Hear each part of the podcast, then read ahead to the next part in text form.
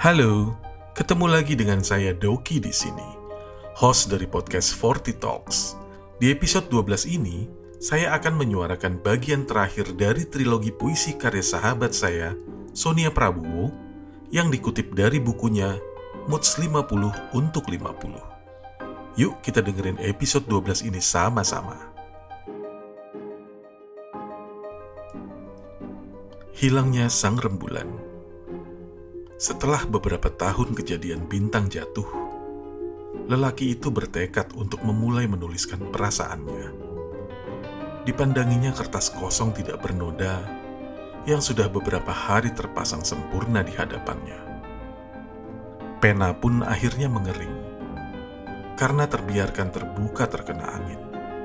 Hatinya yang dulu sakit teriris sedih, sekarang pun sudah seperti pena dan kertasnya berangin, dan kosong. Dirinya sudah putus harapan. Berdoa rasanya sudah hampa, apalagi berharap. Tidak ada itu Sang Maha. Semua hanya ilusi para seniman gumamnya. Nyatanya, aku sudah sampai putus harapan. Dan tak ada hal baik yang terjadi. Yang ada hanya perbuatan sebab akibat, dan kekecewaan serta penyesalan. Musim hujan sudah lama tidak turun, bersamaan dengan air matanya yang sudah lama mengering. Tidak ada yang bisa kulakukan lagi. Terlanjur, sudah terlanjur. Tahunan sudah dia rutuki dirinya sendiri karena menyakiti hati perempuan itu dengan kata-katanya yang bak mengiris sembilu. Perempuan itu tidak mengerti mengapa orang lain yang harus membayar kepahitan hidupnya. Aku berhak melakukan apa saja karena aku orang penting. Namun, itu dulu. Sewaktu sang lelaki merasa di awang-awang, di mana semua orang mendengarkan dan mendatanginya untuk berbagai macam jawaban.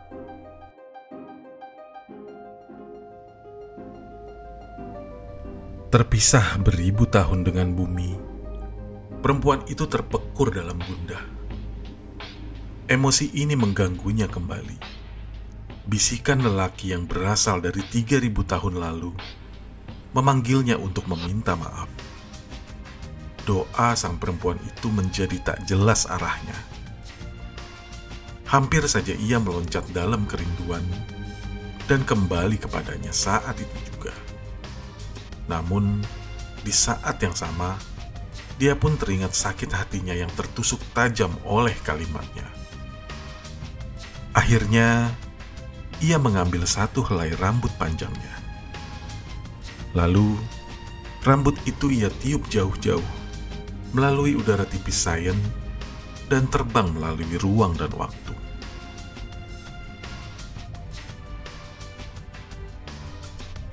Sementara itu, di waktu yang sama, lelaki itu sedang berjalan-jalan di taman.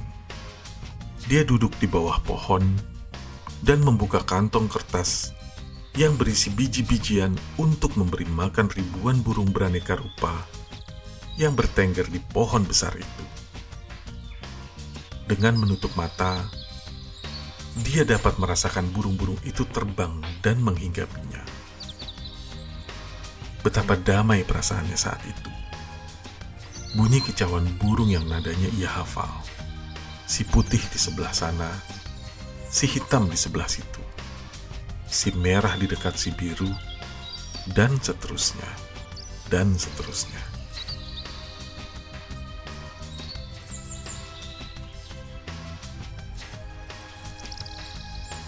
Namun, tak lama kemudian, ada satu yang berbeda yang cukup membuatnya berjaga, yaitu bunyi kepakan sayap si kuning yang tidak seperti biasanya.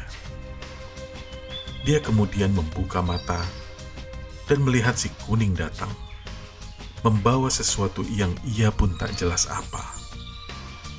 Dikerjap-kerjapkannya mata itu, dan ia melihat ada sesuatu yang dijatuhkan oleh si kuning di tangannya apakah itu?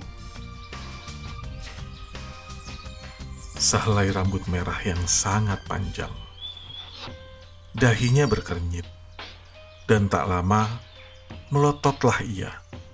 Seperti menang sebuah lotre, ia pun berteriak sangat bahagia, membuat semua burung-burung di badannya terlempar dan terbang menjauh. Ternyata Sang Maha itu ada.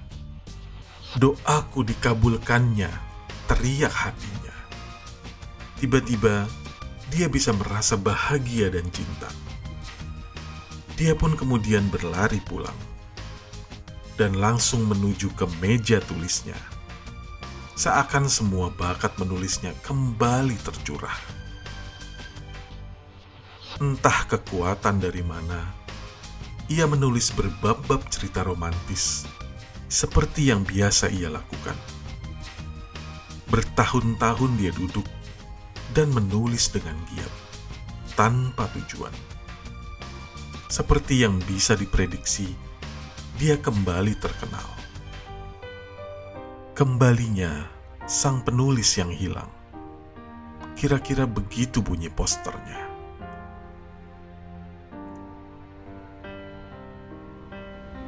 Di saat yang bersamaan, kembali ke 3000 tahun jauhnya di sana, perempuan itu melihat apa yang dihasilkan oleh sehelai rambutnya. Ternyata sebuah popularitas.